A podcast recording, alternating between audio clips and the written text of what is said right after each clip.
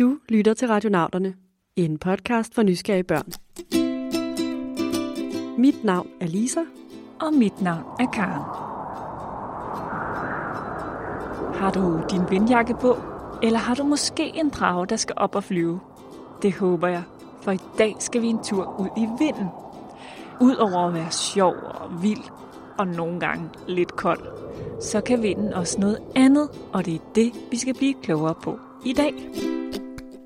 Hej, jeg hedder Mathilde. Jeg er 9 år, og jeg bor i Hjortshøj.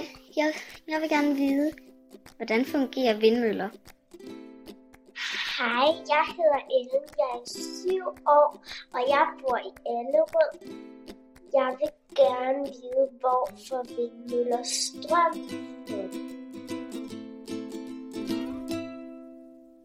De står jo så mange steder rundt omkring i landet.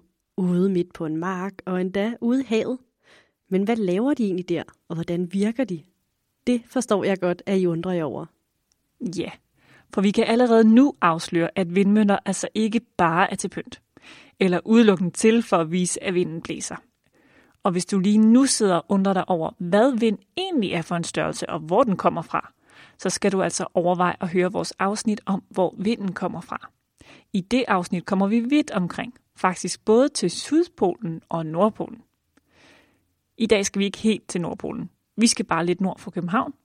Gentofte hedder det. I dag der er vi på besøg hos det, der hedder Ørsted. Vi har fået navn efter øh, videnskabsmanden H.C. Ørsted, og han var jo den, der ligesom opdagede elektromagnetismen, og derfor sidder vi i Ørsted. Det her er Christina, og hun har inviteret os til Ørsted for at gøre os klogere på, hvordan vindmøller virker. Hun er nemlig ingeniør, og ingeniører lærer en hel masse matematik på universitetet.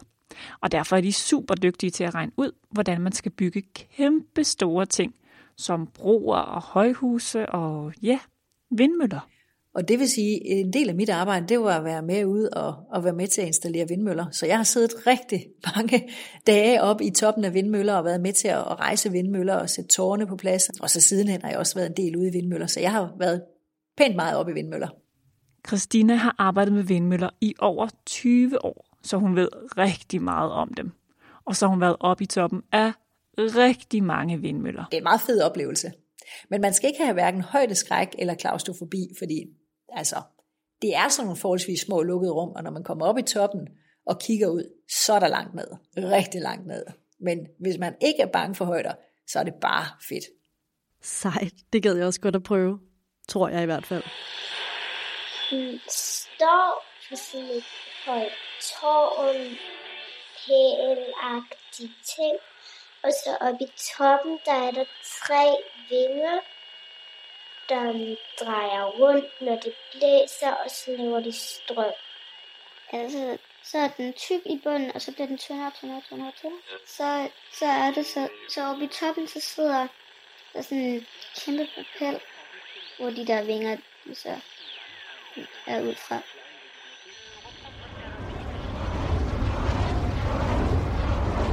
Her har vi den så, vindmøllen. Det er rigtigt, hvad Mathilde og Ellen siger. Den er tykkere nede i bunden end i toppen, og så er den altså mega høj. På afstand kan de måske godt se små ud, men når man kommer tæt på, så kan man se, hvor gigantiske de i virkeligheden er. Så nogle af de små mønter, vi stadigvæk ser rundt omkring i det danske landskab, de er sådan en 50-60 meter. Men dem vi sådan ser blive rejst i dag på land, jamen de er omkring 100 meter i højden. Nogle der 120 meter i højden. Så vindmøller i dag, de vil være rigtig, rigtig høje. Tårnet i sig selv er altså omkring 100 meter højt. Og hvis man så ligger vingens længde oveni, bliver de største over 200 meter høje. Det er altså højere end det gyldne tårn i Tivoli. Faktisk er det mere end tre gyldne tårne oven på hinanden. Vildt nok. Jeg kan godt se, at man ikke skal være højdeskræk for at kravle derop.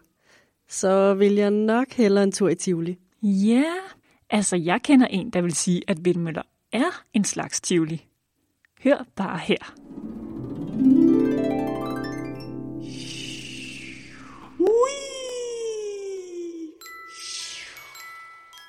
Kender du mig?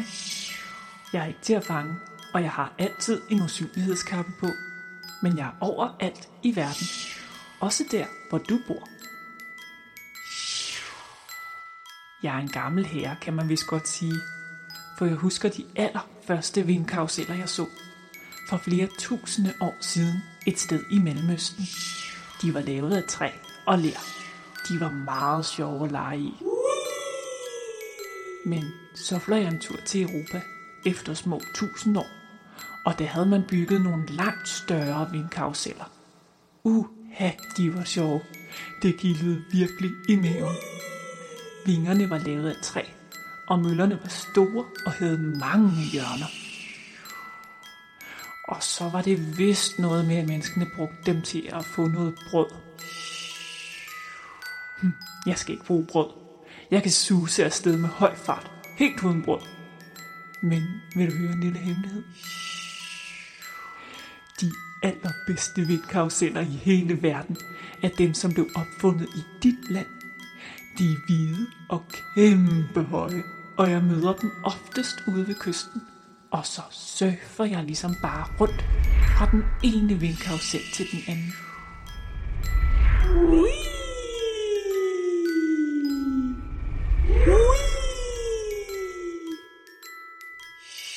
Det går så stærkt på de her karuseller, at jeg nogle gange kan blive helt karuselsyg. Så tager jeg måske lige en pause på en dag eller to.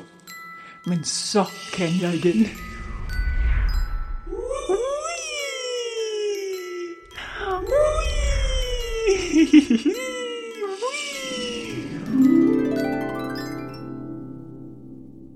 Hvor det bare fedt, at vinden har sådan en fest. Men det der, som vinden kalder for vindkaruseller, det er vel bare det, vi kender som vindmøller, ikke? Mm, det er det nemlig.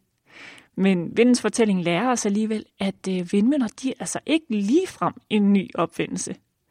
Mennesker har nemlig eksperimenteret i flere tusinder af år med at bruge vindens kræfter til noget nyttigt. Møllerne har for eksempel været brugt til at pumpe vand op, eller til at male det korn, som man høstede på markerne, så man kunne få noget mel ud af det, og så kunne man bage noget brød.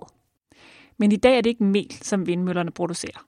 De laver strøm, og det gør de bedre og bedre for hvert år. Man udvikler nemlig hele tiden på møllerne, og særligt vingerne er noget, man har arbejdet rigtig meget på. Formen på vingen, det er øh, det, der er blevet arbejdet på i hundredvis af år, fordi det er lidt det samme som flyvinger og helikoptervinger. Det er præcis de samme grundlæggende måder at designe på, hvordan de skal rotere, hvordan de skal bevæge sig i luften, hvornår de skal gøre, at man ligesom driver noget fremad og, og får kan vi sige, kræfterne overført fra luften og så til den der roterende kraft, som vingerne sørger for. Rundt og rundt og rundt. Vindmøllens vinger drejer rundt, eller roterer, som det hedder med et fint ord. I gamle dage var vingerne jo lavet af træ, men hvad er de så lavet af i dag? De består i dag af glasfiber, allermest, og noget øh, materiale, der ligesom holder glasfiberen sammen, som gør det, at det bliver enormt hårdt, også hårdere end normal plastik. Man tror det ikke, men der er mange kræfter i luft, som kommer blæsende forbi og rusker i de her stakkels vinger i de der 20-30 år. Så de får en masse tæsk, men det er de designet til, det er de lavet til. Så det er altså ikke bare vinden, der får sig en vild karuseltur. Vingerne har det også ret vildt, og skal altså kunne holde til kraftig vind. Mm, det skal de. Og det er faktisk, som vinden også oplevede det, det er kun blevet vildere og vildere. I dag er vingerne på vindmøller op til 100 meter lange, så det kan give rigtig meget vind en vild karuseltur. Dem putter vi jo så tre af sammen, og det vil sige, at vi har en rotordiameter, altså den cirkel, der hænger derop, er over 200 meter i diameter. Det er, det er et pænt stort areal, som de her vinger, de, øh, de drøner rundt på. Og noget andet, som man måske heller ikke rigtig selv ser, når man ser vindmøller derude. Men de her kæmpe store vinger, helt ude i tippen af dem, der går det faktisk ret hurtigt, selvom de ser så rolige ud, når de drejer rundt der med jamen 12-15 omdrejninger i minuttet. Men fordi de har så stor en diameter, så tippen derude, den har en hastighed på omkring 300-350 km i timen. Så hurtigt går det faktisk. Over 300 km i timen. Uh, det er virkelig en helt vanvittig vild karuseltur. Det er jo lige så hurtigt som Formel 1 racerbiler kører. Og ligesom en racerbil, så har vindmøller faktisk også en gearkasse. Og ligesom en racerbil har en vindmølle faktisk også bremser, for at sikre, at det ikke kommer til at gå alt for hurtigt, hvis der for eksempel er storm og helt vild vind. Men nu er det tid til en udfordring. Kan du høre, hvad det her er? Det er noget, der også har vinger, men så afslører vi heller ikke mere. Du får svaret sidst i afsnittet.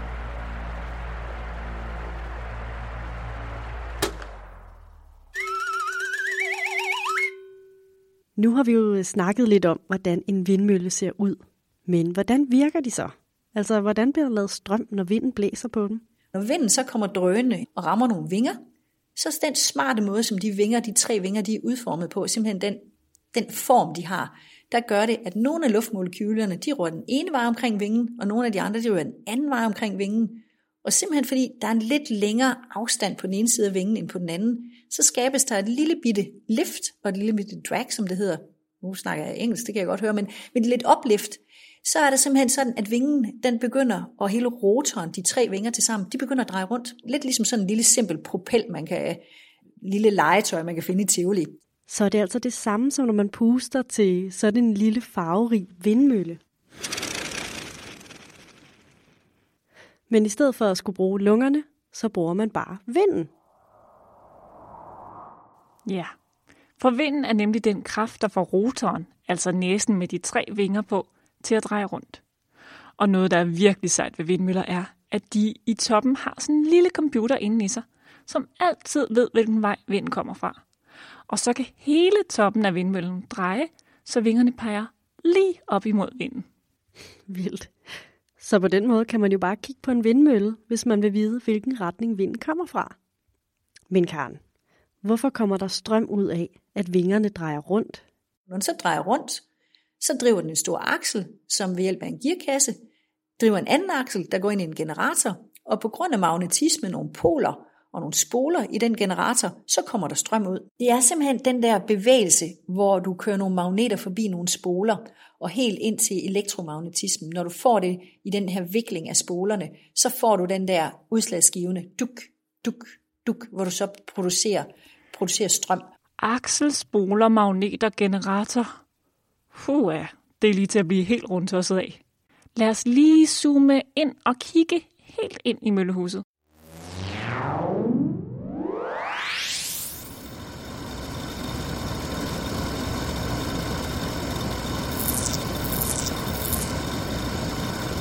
Ui, der er godt nok meget larm herinde, og en masse tandhjul, der drejer rundt. Ja, udenfor blæser det meget, og derfor drejer vingerne rundt med høj fart. Og som du kan se her, så får vingerne en lang stang til at dreje rundt. Og den stang ender inde i generatoren, som er den store tynde, du kan se derfor inden. Hmm, jeg kigger lige ind i den. Åh oh, ja, det kan jeg godt se. Men hvad er det, der sidder på stangen derinde? Det er faktisk magneter, og de drejer hurtigt rundt sammen med stangen. Men rundt om dem på generatorens vægge er der fyldt med kår, en slags metal. Det var det, Christina kaldte for spolerne. Mm. Og nu kan jeg høre lyden. Den lyd kommer, fordi magneterne drejer hurtigt forbi kovertråden, som er på indersiden af generatoren. Og så sker det nemlig. Der bliver nemlig lavet små elektroner.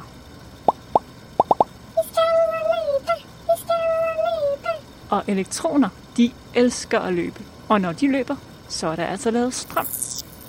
Og der i bunden af generatoren er der et stort kabel, en stor ledning, som løber hele vejen ned gennem vindmøllen. Og her smutter elektronerne ned igennem.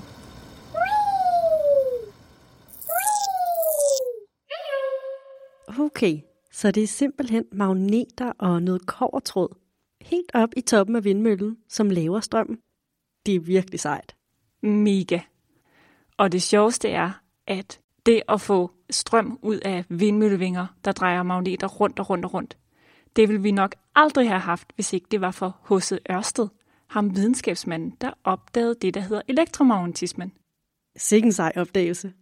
Men når strømmen så er lavet det op i toppen, og løber i kablerne ned gennem vindmøllen, hvad sker der så med strømmen, når den når ned til bunden af vindmøllen?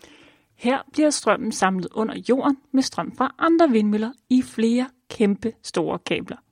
Så dele af magien sker altså også under jorden, hvor du slet ikke kan se det. Og gennem de her store kabler nede i jorden, så kommer strømmen altså fra vindmøllerne og hjem til dig i din stikkontakt i stuen. Og det der med at tænde lyset, er jo nok ikke den eneste strøm, I bruger hjemme hos jer.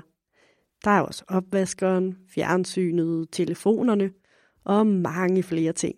Vi mennesker bruger nemlig ret meget strøm. Og mens du altså ikke kan se forskel på strømmen på den lampe, du har tændt, så kan strømmen være blevet skabt på flere forskellige måder. Og en af dem er vind. 46 procent af den strøm, der kommer ud af stikkontakterne i Danmark, den er produceret ved hjælp af vindenergi. Det er et verdens højeste tal faktisk. Vi har rekord i, hvor stor en andel af elektriciteten, der kommer fra vindenergi. Der er Danmark absolut førende. Næsten halvdelen af den strøm, vi bruger i Danmark, kommer altså fra vindmøllerne.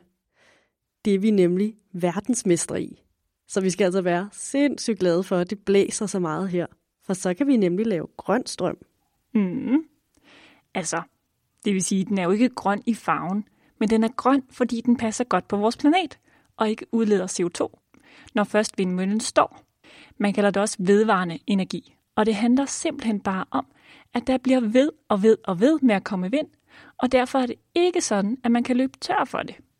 Nej, og der er det jo altså noget helt andet med olie og kul, som man også kan lave strøm af.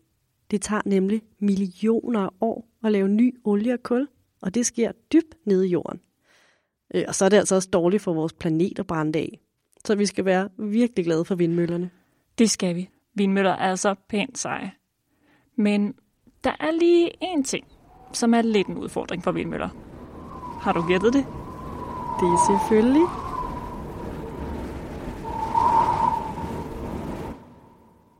når der ingen vind er. Vi er afhængige af vind, så det har kæmpe stor betydning at finde de bedste steder, hvor der er mest vind. Og hvis vi zoomer ind på Danmark, så blæser det meget mere i Jylland generelt end på Fyn og Sjælland, og i Vestjylland og Nordvestjylland ude langs med vestkysten. Det er der, det blæser aller, allermest i Danmark, når vi snakker på land. Rykker man ud i vandet, så blæser det endnu mere ude i Vesterhavet. I Danmark blæser det meget. Det blæser mest ved kysterne og allermest ude ved Vesterhavet. Men når der ingen vind er, og vindmøllerne står stille, så har man heldigvis fundet en smart løsning. Når der så er vindstille, så er det så heldigt, at Danmark er forbundet til både Sverige og til Tyskland og til Norge og til England med masser af kabler. Så når det kommer til strøm og energi, så deler vi altså med vores naboer i andre lande. Og de har nogle andre vedvarende energikilder. Naturen har nemlig en del kræfter, som man kan udnytte. I kender nok til sol og solceller, men man kan også bruge vandets kraft, som de gør i Norge og i Sverige. Mm, og heldigvis for det. Men i Danmark, så er vi altså verdensmestre i vind. Og det gør, at vi har nogle af de vildeste vindmøller, som man kan tage ud og se helt selv. Eller det vil sige, man kan også tage sine forældre med. Og så er der et par steder, hvor man kan se de rigtig store vindmøller her i landet. Det er oppe i nær en by, der hedder Østerild, oppe i Thy. Og der står de aller, aller, aller største vindmøller i hele verden. De her vindmøller er så gigantiske, at der faktisk inde i tårnet er små elevatorer, som kan hejse personalet helt op i toppen. Ligesom i et højhus. Er det ikke vildt? Jo, det er det. Måske jeg alligevel godt gad prøve at komme helt derop. Udsigten må være så flot. Men hør, skal vi ikke lige have afsløret udfordringen? Jo, det skal vi da.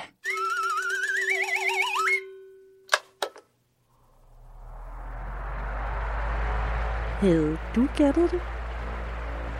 Det er lyden af en elektrisk vifte. Sådan en, som man kan have stående på bordet eller på gulvet på rigtig varme dage. Men det er nærmest det modsatte af en vindmølle.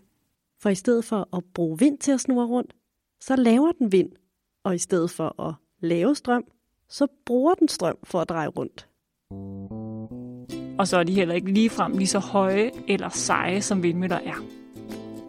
Vi vil gerne sige tak til Mathilde og Ellen for at kaste os ud i den her vind om mission. Og også tak til Christina Åbo fra Ørsted for at gøre os meget klogere på emnet. Husk, at I både kan finde os på vores hjemmeside, radnaudon.dk, på Facebook og Instagram. Tak fordi I lyttede med.